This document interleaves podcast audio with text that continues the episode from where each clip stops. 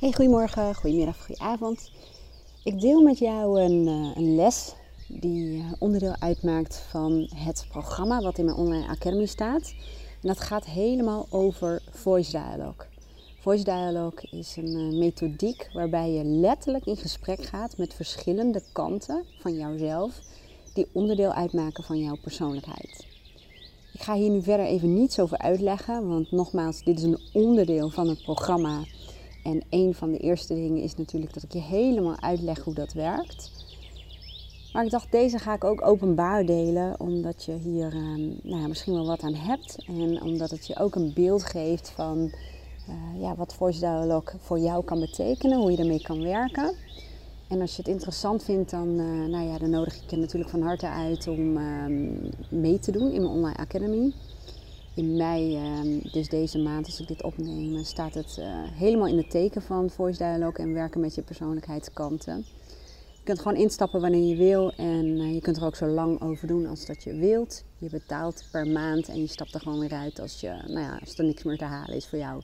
Laten we het zo maar zeggen. Goed, laten we beginnen. In alle andere lessen kun je zien hoe je nou ja, voice dialogue kunt gebruiken wat je daarin zelf kunt doen. Hoe je zelf kunt werken met je persoonlijkheidskanten.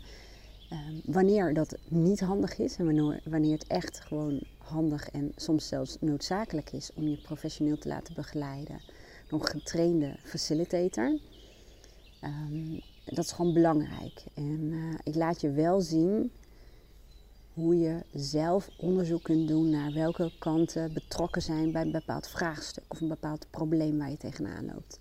En in deze les neem ik je mee naar een eh, methode waarbij je eigenlijk heel beschouwend van een afstandje gaat kijken welke kanten bij jou betrokken zijn bij iets waar je tegenaan loopt. Een probleem of een doel dat je niet haalt of ja, bepaalde emoties uh, waar je last van hebt of een bepaald patroon waar je maar niet uit lijkt te komen.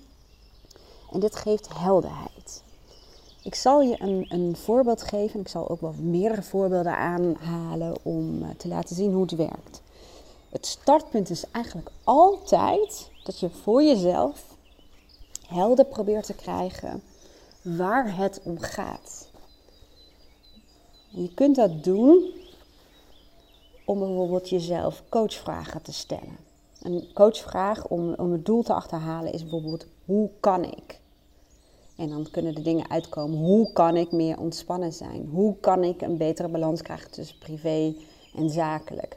Hoe kan ik beter omgaan met die persoon? Hoe kan ik dit conflict oplossen? Nou ja, dat zijn open vragen die vaak leiden tot een coachdoel. Ik zal hieronder wel even wat vragen voor je neerzetten die je kan stellen om je vraagstuk helder te krijgen. Een van de vragen die je kunt stellen is: wat is er aan de hand? Om even helder te krijgen van waar gaat het over. Nou, ik ga nu even een voorbeeld uh, aannemen. Dus wat is er aan de hand? En dat is bijvoorbeeld dat iemand zich um, rommelig voelt en um, geïrriteerd, korte lontje, een beetje verstrooid, chaotisch raakt geïrriteerd van uh, mailtjes, telefoontjes, appjes die binnenkomen. En uh, een partner die van alles wil, kinderen die van alles willen. Er moet gewoon heel erg veel gebeuren. Dus dat zijn verschillende dingen die spelen. En we gaan even wat dieper graven, graven met behulp van Voice Dialogue om te achterhalen wat er werkelijk aan de hand is. Want heel vaak zijn de, nou ja, de irritaties die zich aandienen niet per se het probleem, maar meer een uiting van iets wat dieper ligt. En met behulp van je persoonlijkheidskanten kun je dus gaan onderzoeken waar het werkelijke probleem ligt. En soms zijn dat meerdere dingen. Dus in dit geval van deze persoon die, uh, nou ja, die, die gewoon het gevoel dat ze heel erg veel moet, hè, want dat was iets wat naar boven kwam ook. Ze moet heel erg veel en ze heeft eigenlijk amper tijd voor zichzelf. Nou, in dat geval is ze dus eerst zichzelf een paar vragen gaan stellen. En dan is de volgende vraag die jij je dus ook kan stellen van welke verschillende kanten in mij zijn hierbij betrokken? Nou, ga dan maar eens even zitten. Persoonlijk ben ik er echt de grootste fan van om dingen op te schrijven of te typen. Hardop spreken, zoals ik dat dan nu even doe, dat kan ook. Maar doe het niet alleen maar in je hoofd. Want het kan wel hoor. Alleen door het hardop uit te spreken, om het op te schrijven of te typen, word je veel bewuster van wat er naar boven komt. Je kun je er naar kijken en je gaat het formuleren. En dat, dat kan je echt enorm helpen. Goed, dus deze persoon, die, uh, daar ging ik dan mee zitten. En we schreven op welke kanten er uh, in haar betrokken zijn. En er hoeft niet altijd een naampje voor bedacht te worden. Soms is het wel handig om het even te kunnen opschrijven. Nou, dat was in de eerste instantie haar moeder. Haar innerlijke moeder, die voor de kinderen wilde zorgen. Dat was in tweede instantie een kant van haar die, uh, ja, die vond dat ze het huishouden helemaal moest doen op een bepaalde manier. Er was nog een kant betrokken en die vond dat zij alles moest doen, dat ze daarvoor verantwoordelijk was. Er was nog een kant betrokken die mopperde en die eigenlijk in het verzet kwam en die zei: Je moet ook tijd voor jezelf nemen. Laat anderen ook maar eens even wat doen. En er was ook een kant betrokken waar altijd maar een beroep op werd gedaan. Haar innerlijke redder. Die was alles aan het redden en aan het oplossen en die liep achter iedereen aan te vangen en uh, nou ja, iedereen te pleasen, dat was ook een kant die naar boven kwam. Dus ze heeft op dat moment samen met mij in kaart gebracht van welke kanten zijn betrokken bij jouw probleem. We zijn samen gaan kijken van wat zijn de verschillende drijfveren van die verschillende kanten. Die innerlijke moeder, die heeft bepaalde ideeën ook bepaalde normen, regels eigenlijk, van hoe die innerlijke moeder vindt dat het moet. Dat zijn we samen gaan uittypen. En alleen dat al zorgde al voor helderheid. Dat ze een bepaalde visie had over hoe zij die rol als moeder moest vervullen van zichzelf. Het grappige was dat daarbij eigenlijk ook naar boven kwam dat haar innerlijke criticus en haar innerlijke regelgever daarbij sterk betrokken waren. Dus dat er normen waren over hoe zij die rol als moeder moest vervullen, waarvan ze meteen al zei: ja, dat is misschien wel een beetje overdreven. Misschien zit ik daar wel te strak in. Misschien zou ik wel wat losser mogen zijn. Dat zou mijn kinderen waarschijnlijk ook ten goede komen. Dus alleen al om daar met bewustzijn naar te kijken, dat loste al meteen wat op. Vervolgens gingen we kijken naar haar pleaser. En wat was die aan het doen? Ik stelde haar ook vragen. Wat zou die pleaser voor jou willen betekenen? Wat zijn zijn of haar drijfveren? En nou zeg je misschien zijn, het is toch een vrouw? Ja, maar onze verschillende kanten of subpersoonlijkheden, dat kun je bij wijze van spreken ook zien als echt subpersoonlijkheden, hoe raar het ook mogen klinken. En heel veel mensen, mannen zeggen bijvoorbeeld dat ze een kant in zich hebben die meer vrouwelijk zou kunnen zijn. En soms zeggen vrouwen, mijn innerlijke criticus, nee, dat is echt een man. En een pleaser zou dat ook bijvoorbeeld kunnen zijn, maar dat kan ook een vrouw zijn. Dus vandaar dat ik af en toe even zeg van, hè, wat zouden de drijfveren um, van jouw pleaser kunnen zijn? Wat zou hij of zij willen? Vandaar dat ik even verwijs naar de twee geslachten. En soms is het misschien wel helemaal, hoe zeg je dat? Onzijdig, geslachtsloos. Je snapt wel wat ik bedoel.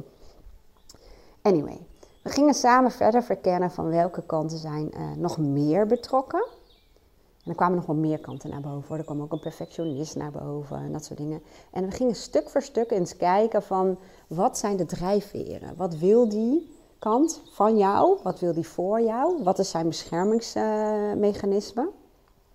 maar ook hoe vindt die kant dat het hoort? Want zo leg je normen bloot. En heel vaak door dat te doen, en vooral als je met mij ook je kernwaarden hebt, uh, hebt uh, ja, vastgesteld, om het zo te zeggen, dan ga je vaak zien dat die regels van een bepaalde subpersoonlijkheid eigenlijk conflicteren met jouw waarden. Terwijl normen zijn bedacht om volgens je waarden te kunnen leven. En waarden, dat is iets wat voor jou heel belangrijk is, een belangrijke voorwaarde eigenlijk om gelukkig te zijn en goed te kunnen functioneren. En als een waarde is, um, heb respect voor uh, andere mensen en ik wil met respect behandeld worden. dan ehm, zeg je bijvoorbeeld als norm: behandel de ander zoals je zelf behandeld wil worden. En dan klopt die met je waarde. Als jouw waarde bijvoorbeeld avontuur is en je hebt een aantal normen van je moet ehm, zo snel mogelijk, uh, als je volwassen bent, een huis kopen, huisje, boompje, beestje. En um, nou ja, je zaterdagen bezig zijn met het huis, ik noem maar even wat. Hè. Dit is echt gebeurd hè, in, bij mij in de praktijk.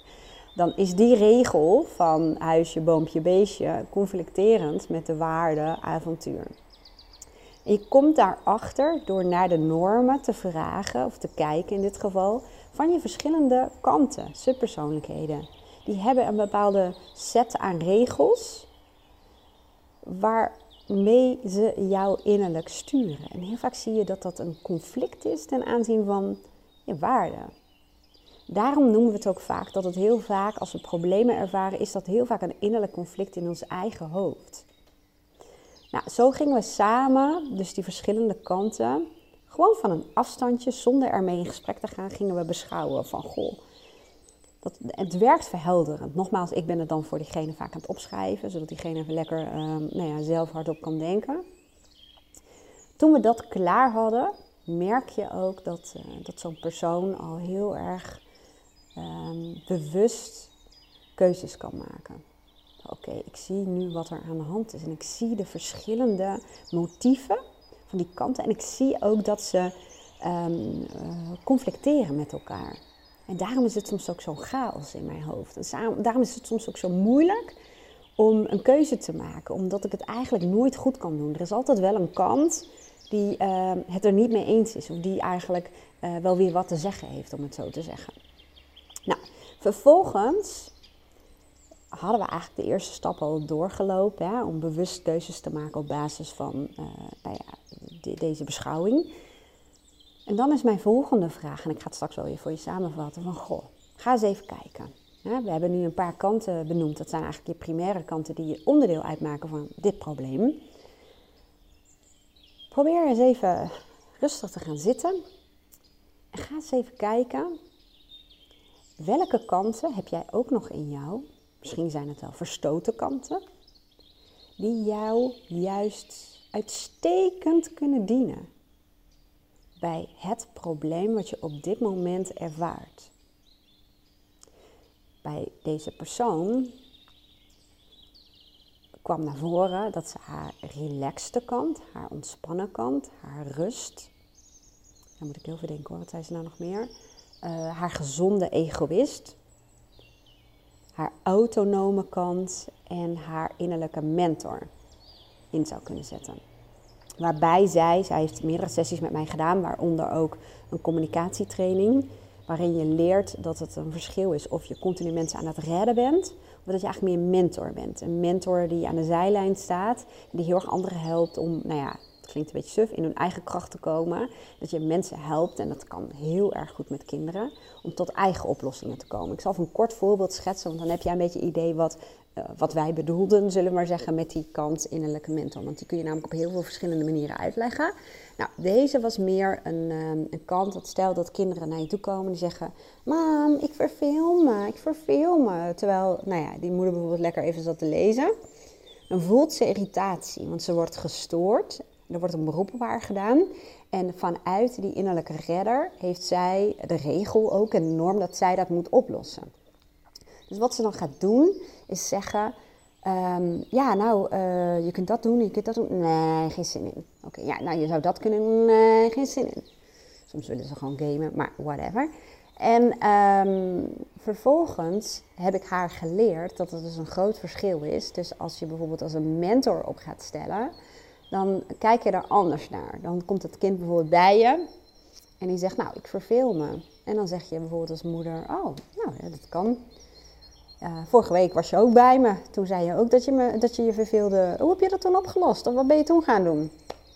Dat zijn van die vragen. En vaak moet je wel even patroon doorbreken, omdat een kind in één keer um, uh, in een rol wordt gezet waarop hij zijn eigen oplossing moet gaan bedenken. Dat kan eventjes wat weerstand opleveren. Maar door dat vaker te doen, merk je dat je eigenlijk je kind ook leert om eigen oplossingen te bedenken en wat onafhankelijker te worden.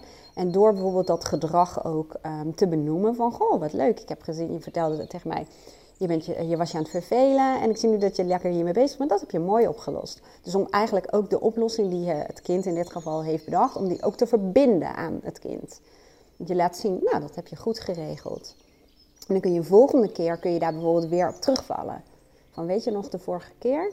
En uh, toen zag ik dat je wel wat aan het mobberen was. En een kwartier later uh, nou, zag ik dat je toch een oplossing had gevonden. Dus um, nou, hoe zou je dat misschien nu weer kunnen doen? Zo, dat, dat is eigenlijk het patroon wat je dan aan het doorbreken bent. En een mentor zijn voelt veel lichter. Want um, ten eerste is het fijn omdat je vaak investeert in de toekomst. En niet in de korte termijn uh, actie, om het zo te zeggen.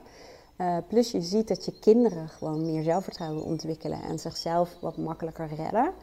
Je ondersteunt hun zelfvertrouwen en je ontlast eigenlijk jezelf. En heel vaak was er vaak een innerlijk conflict met iemand die bijvoorbeeld dacht: ja, maar ik zorg dus ik besta. Die had bepaalde normen en die wilde zichzelf eigenlijk niet onmisbaar maken. Maar je merkt nu dat als je een mentorrol pakt, dan ben je nog steeds van toegevoegde waarde, maar op een heel andere manier. En vaak geeft die manier ook veel meer energie.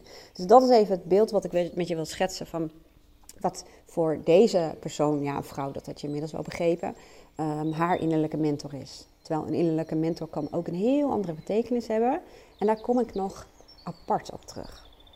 Goed, dus we hebben samen geïnventariseerd van welke kanten in jou, ten aanzien van dit vraagstuk waar je tegenaan loopt, kunnen jou nu dienen. Dus ik zou de relaxte kant, ontspannen kant, autonome kant, een gezonde egoïst en de innerlijke mentor. Er waren nog wat kanten hoor, maar goed, die laat ik heel veel buiten beschouwing. Vervolgens zei ik, stelde ik haar vragen over, oké, laten we eens even starten met uh, bijvoorbeeld die innerlijke mentor. Wat ik ook vaak doe, ik ga niet onmiddellijk naar de rustkant. Omdat haar primaire kanten zijn doe-kanten. Doen, doen, doen, doen, actie. En als je dan meteen een hele grote stap maakt uh, naar een, uh, een kant die heel veel rust heeft, dan kan dat soms net even te snel zijn. Dus ik maak maar meestal een soort van vloeiende beweging daar naartoe. Door eerst even naar die innerlijke mentor te gaan. Die heeft al wel een heel, ander, ja, heel andere visie. En ook wel uh, doen en oplossingsgericht maar al wat losgekoppeld van die verantwoordelijkheid. Dus vervolgens ga ik zeggen, hoe zou jouw innerlijke mentor met deze situatie omgaan? Hoe kijkt die eigenlijk naar dit probleem of dit vraagstuk? En wat zou die je willen adviseren? Stel dat jij nu even dat standpunt inneemt, dat jij even op de plek zou gaan staan van jouw innerlijke mentor. Wat zou die dan tegen je zeggen? wat, wat, nou, wat zou die doen als hij het voor het zeggen zou hebben? Nou, door dat even te doen, en in dit geval kon die vrouw ook gewoon op haar plek blijven zitten, want je doet het beschouwend, kwamen er eigenlijk al verschillende oplossingen naar boven. Vervolgens gingen we bijvoorbeeld naar de autonome kant. Een autonome kant is echt een kant die vanuit zichzelf gaat. Die ook bij zichzelf blijft, ongeacht wat er gebeurt. En heel steady. En daar ga ik later ook nog op terugkomen. Het is echt een mooie, fijne kant om, uh, om mee te werken. Nou, en vervolgens gingen we naar de gezonde egoïst. En vervolgens gingen we naar de relaxte kant. En vervolgens gingen we naar de rustkant. En zo gingen we nog verder wat kanten verkennen.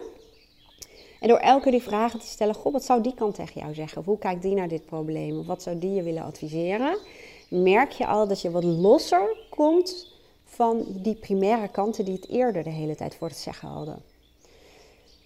Doordat we dit beschouwend deden, zie je ook dat er bewustzijn ontstaat. En dat je vanuit die bewuste plek al meteen allerlei inzichten krijgt. En uh, nou ja, ook vaak al wel beslissingen kunt nemen hoe je hier nu mee om wil gaan. Dus daar eindig ik ook vaak mee goed. Je hebt nu de primaire kanten uh, gehoord en verkend. En je hebt nu ook uh, andere kanten van jou bekeken. En vanuit die invalshoeken gekeken. Dus wat, wat is nu um, voor jou een goede stap of een goed plan om hiermee om te gaan? Of een goede strategie, hoe je het ook wil noemen. Even kort samenvattend hoe jij dit nou kunt doen. Um, ik zou je willen voorstellen um, om allereerst even te gaan zitten en het liefst te schrijven of te typen. En even te verkennen wat nou precies het probleem is waar je tegenaan loopt. Wat is je vraag? En eigenlijk liever die tweede. Want als je heel erg het probleem gaat verkennen, ga je aan probleemanalyse doen. En probleemanalyse zorgt er over het algemeen niet echt voor oplossingen. Je kunt wel een vraag stellen die um, een beetje in het midden hangt. En dat is, wat is er aan de hand? Dan ga je niet zozeer het probleem uh, analyseren, maar wat is er aan de hand volgens jou? En ga dan eens even opschrijven, wat is er aan de hand? Hè? En uh, je kunt al zeggen, wat is eigenlijk je vraag? Dat is best een lastige vraag. Wat is je vraag precies? Nou, misschien lukt het jou wel. En vervolgens ga je naar welke kanten, dus primaire kanten, zijn in dit vraagstuk of in dit probleem betrokken. En als je die kanten per stuk afgaat, wat zijn de drijfveren? Wat heeft hij jou te zeggen? Wat is zijn functie? Wat is zijn beschermingsmechanisme? Wat, wat, wat vindt hij? Hoe vindt hij dat het hoort? Welke normen en regels heeft hij voor jou? Door dat te doen per kant, ga je al merken dat er wat bewustzijn ontstaat. En dat er ook conflicten zitten tussen die verschillende kanten, maar die hebben allemaal hun eigen zienswijze. Maar ook tussen jou als bewuste ego en de visie van die verschillende kanten. Vervolgens ga je bij jezelf na van oké, gelukkig. Ik heb ook nog andere kanten die, uh, die ik misschien wat minder snel inzet in dit patroon. Hè? In dit uh, patroon wat er gewoon is. In bepaalde situaties zet je gewoon vaak dezelfde kanten in. Dat noemen ze ook handelend ego eigenlijk. En dan ga je eens even kijken, maar ik heb ook andere kanten tot mijn beschikking. Laat ik die eens even gaan inventariseren. Nou, dan ga je kijken welke kanten zijn dat. Dat kan je autonome kant zijn, je relaxte kant, je levensgenieter, je relativerende kant. Um, nou, je, van alles. Uh, doorpakken, beslisser. Ik heb er echt van alles voorbij zien komen. En dan ga je eens even kijken van, oké, hoe kijkt deze kant naar de situatie, je vraagstuk of het probleem? Wat zou die kant jou willen adviseren? Wat zou die doen als die het voor het zeggen zou hebben? Als je die wat meer de ruimte zou geven, wat, nou ja, wat zou er dan gebeuren? Wat voor oplossing zouden zij jou adviseren? Uh, nou, stel gewoon open vragen. En bekijk dan uh, die kant. En je kunt je waarschijnlijk een hele goede voorstelling maken van wat die kanten zouden willen dat je zou gaan doen. En vervolgens, nou, laat je het even bezinken. Misschien kun je eens kijken op je papiertje als je het hebt opgeschreven. Misschien kun je het kijken op je scherm. Misschien heb je het hardop ingesproken en wil je het nog eens terugluisteren. Of misschien zijn er op dat moment al zoveel inzicht dat je zegt: Ja, ik, uh, ik ben eruit. Ik ga nu in deze situatie ga ik deze stappen zetten. Of ik ga deze strategie aanhouden. Of uh, nou ja, wat je dan ook gaat doen. Dus dit is ook weer een leuke speelse manier om uh, bezig te zijn met iets wat eigenlijk gebaseerd is op voice dialogue. Ik ga er nog veel meer met je delen. En ik kan je ook meteen een leuk boek adviseren. Wat um, ook op heel speelse manier omgaat met ja, coaching. En ook voice dialogue daarin meeneemt. En dat is speels coachen van Lex Mulder, heet hij volgens mij. Ik zal hem wel even als linkje opnemen uh, onderaan deze les. Nou, mocht je nu deze podcast of YouTube hebben geluisterd terwijl je geen lid bent van de Academy ik kan me zo voorstellen dat je denkt, dit is best wel heel interessant en hier kan ik wel wat mee. Nogmaals, uh, super leuk als je meedoet met het programma. Dit is een programma wat ik in mei helemaal in elkaar gezet heb en aan het zetten ben. Maar je kunt instappen wanneer je wilt. Het werkt bij mij gewoon zo dat je um, de, de, de lessen, zeg maar, kun je helemaal op je eigen tempo doen. En het leuke is ook, je hoeft niet alle lessen te doen. Er is eigenlijk bijna altijd wel één basisles waarvan ik zeg, die moet je echt doen. Dat is gewoon belangrijk, want anders dan hebben alle andere lessen geen zin. Nou, dat is in het geval van Voice Dialogue ook zo. Er zijn in dit geval twee eh, lessen belangrijk. De eerste is de introductie, dus de uitleg. En de tweede is een soort um, ja, regels die ik wil afspreken. Om te zorgen dat je uh, goed onderscheid kunt maken tussen wat en hoe kun je dit bij jezelf doen en uh, sommige mensen hebben het verlangen om dat dan bij een ander te doen, maar daar heb ik wel wat waarschuwingen bij, om het zo te zeggen. Dus dat is bijvoorbeeld een les die ik je absoluut eh, ook echt zou willen aanraden met klem, om die uh, te doen, of te luisteren is het vooral. En vervolgens zitten er allerlei verschillende lessen in. En dan moet je denken aan um, verschillende kanten die ik even apart neem, zoals bijvoorbeeld je innerlijke criticus. Zoals bijvoorbeeld in het geval van meestal vrouwen, en ik weet niet of ik het woord goed uitspreek, innerlijke patriarch, ik weet niet of ik het goed uitspreek. Um, de autonome kant, die licht ik eruit, de gezonde egoïst, de pleaser. Ik, ik licht verschillende kanten eruit. Um, wat ook nog lessen zijn, er zit bijvoorbeeld ook een module in met allemaal verschillende voorbeeldsessies. sessies die je als het ware met jezelf kunt doen. Ik laat je dus precies zien hoe ik dat doe. Ik doe het dus meestal bij mezelf en hoe ik start en hoe ik dat precies doe. En ehm, ik doe dat zo zodat je zelf ook een beetje kunt zien wat kom je tegen, wat kan je dan doen en wat kun je eruit halen. En eigenlijk ook het proces. Je zult zien dat het continu hetzelfde proces is, dezelfde stappen die ik zet, zodat je steeds meer feeling krijgt bij hoe kan ik dit nu voor mezelf gaan doen. Ook komen de lessen vrij, omdat um, je persoonlijkheidskanten, jij hebt dus allemaal verschillende kanten in jezelf, maar kun je je voorstellen dat uh, de ander, en de ander kan iedereen zijn, dat kan je collega zijn, dat kan je kind zijn, dat kan je partner zijn, um, nou, iedereen waarbij je uh, een interactie hebt in communicatie, laat ik het zo zeggen. Je zult merken dat als je hiermee werkt, dat um, nou, je wordt je ervan bewust dat er heel vaak een interactie is tussen jou en de ander die plaatsvindt vanuit verschillende kanten. Dat het eigenlijk vaak is in een relatie dat bijvoorbeeld jouw innerlijke pleaser contact heeft met een deel van de ander, bijvoorbeeld een partner, die zich, um, ja, hoe moet ik dat nou zeggen? Die het wel oké vindt dat die innerlijke pleaser van jou zo goed voor hem zorgt. Snap je? Bijvoorbeeld als jouw pleaser heel duidelijk aanwezig is, dan zul je zien dat de ander vaak heel veel meer de ruimte krijgt om te doen wat diegene wil doen. En dat die ook bepaalt wat er gebeurt, omdat jij dat toelaat.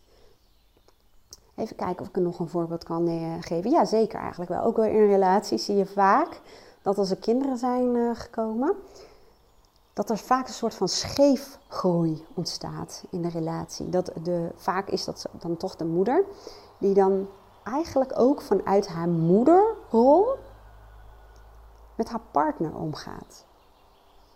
Dus ik wil niet zeggen belerend, maar misschien herken je het uh, wel. Uh, toch op een niveau waarop je normaal gesproken bijvoorbeeld met een kind om zou gaan, vanuit die moederrol ook naar haar partner kijkt. En vaak zit daar veel meer onder. Hè? Er zit vaak irritatie onder, Heel veel vrouwen zeggen ook, ja, het is ook net een derde kind als ze er al twee hebben. Ja, want doet niks, je moet alles vragen. Er zit vaak veel diepers, er zit wat, wat anders onder. Maar die reageert bijvoorbeeld vanuit die moederrol. En dat zorgt voor scheve groei. Wat je ook vaak ziet, dat er vanuit een gekwetstheid wordt gehandeld. Bijvoorbeeld um, een kant die graag erkenning en waardering wil. En in plaats van dat uh, je heel bewust gaat kijken van goed, wat wil ik nu precies? Wat is mijn vraag aan de ander? Of wat wil ik opgelost hebben? Zie je vaak dat je dan vanuit een gekwetst deel daarmee aan de slag gaat. En dat gekwetste deel gaat bijvoorbeeld hints geven. Van ja, ik heb uh, deze week uh, ben ik alleen maar met de kinderen geweest. Ik heb ze les moeten geven. Ik heb ook werk gehad, boodschappen moeten doen ja, nu is het zaterdag. Hè? Ja, nu moet ik eigenlijk nog uh, aan het werk. Of uh, ja, ik moet vandaag alweer boodschappen doen. Ja, want ja, ik heb natuurlijk uh, deze week niet zo heel erg veel tijd gehad. Hè? Want ja, ik moest voor de kinderen zorgen. Want jij was dit en dit en dit aan het doen. Dat soort taal. Dat komt vanuit een bepaalde kant. En um, dat is dus feitelijk niet vanuit bewustzijn. Want heel vaak merk je ook dat er een verlangen is aan zie mij nu. nu. Laat merken dat je waardering voor me hebt. En bied ook eens eventjes aan om wat dingen over te nemen. En laat eens even merken dat je weet hoeveel tijd ik hierin steek en hoeveel offers ik voor jou pleeg. dat is vaak de, de boodschap, maar dat zit natuurlijk dieper. En uh, de pest is dat je door vanuit die kant te reageren eigenlijk 9 van de 10 keer niet krijgt wat je wilt. En daarvoor is bewustzijn nodig. Dat je bij wijze van spreken vanuit bewustzijn gaat kijken van wat is eigenlijk mijn doel, wat is mijn intentie, wat is mijn bedoeling? Of wat wil ik hier opgelost hebben? En als je gaat graven, graven, graven, totdat je het juiste probleem of het juiste doel naar boven hebt gehaald, dan kun je heel bewust kijken welke kanten kunnen mij hierbij dienen. Ja, en dan kun je bijvoorbeeld, ik noem maar wat, hè, ik doe het even gewoon out of the blue. Dan kun je bijvoorbeeld naar je partner gaan en zeggen, joh, ik wil even met je gaan zitten. Wat, wat ik de afgelopen periode heb gemerkt, dat ik heel erg de neiging heb om uh, heel verantwoordelijk op te stellen. En dat betekent dat ik ehm, dan bijvoorbeeld in één keer eh, voel dat ik alle boodschappen moet doen, dat ik voor de kinderen, dat ik dit en dat ik dit. En ik merk dat dat uh, irritatie veroorzaakt en dat ik daardoor te weinig tijd heb. En ik merk ook um, nou ja, dat ik de behoefte heb dat het ook gezien wordt. Ik merk gewoon aan jou bijvoorbeeld, wat ik aan jou zie doen, is je gaat weg, ik heb je niet horen vragen dit en ik heb je ook niet horen vragen dat. Ehm, en ik merk dit en dit en, en ik wil gewoon, ik wil het daar gewoon over hebben. Ik wil gewoon afspraken maken over um, hoe gaan we dit nu verdelen. Want ik, weet in elk geval nu, dit wil ik niet in mijn eentje op mijn schouders hebben. Ik wil het gewoon verdelen. Dus hoe kunnen we dit samen oplossen? Dit klinkt allemaal heel leuk en zo, hè? maar we spelen natuurlijk allerlei andere kanten mee die echt wel uh, naar voren zullen komen. Maar daarom helpt het ook om dit soort dingen gewoon goed voor te bereiden. Die voorbereiding helpt je om in het gesprek Ehm, op de weg te blijven die naar je doel leidt. En op het moment dat je voelt dat je afslaat, dat je even van je pad gaat, om het zo te zeggen, dan voel je al, oh kijk, er komt de andere kant bij. Maar even terug naar uh, mijn doel, hè? Wat, wat, mijn, intentie van dit gesprek. Nou, en door, door, ik doe dit nog maar even out of the blue. Hè? Ik bedoel, dit zou iets zijn wat ik met iemand ook zou moeten voorbereiden. Dat doen we ook meestal in een sessie. Maar um, je snapt al wel dat dat een andere lading heeft. En dan kun je nog steeds uitspreken. Je merkt gewoon dat je er moeite mee hebt dat die partner bijvoorbeeld um, nou ja, het niet lijkt te zien of in elk geval niet uitspreekt. En uh, nee, dat je dat als een patroon herkent. Dat je daar een oplossing voor wil, andere afspraken. En dan ga je met elkaar in gesprek over hoe ziet dat er dan uit. En dan doe je dat al veel minder vanuit gekwetstheid.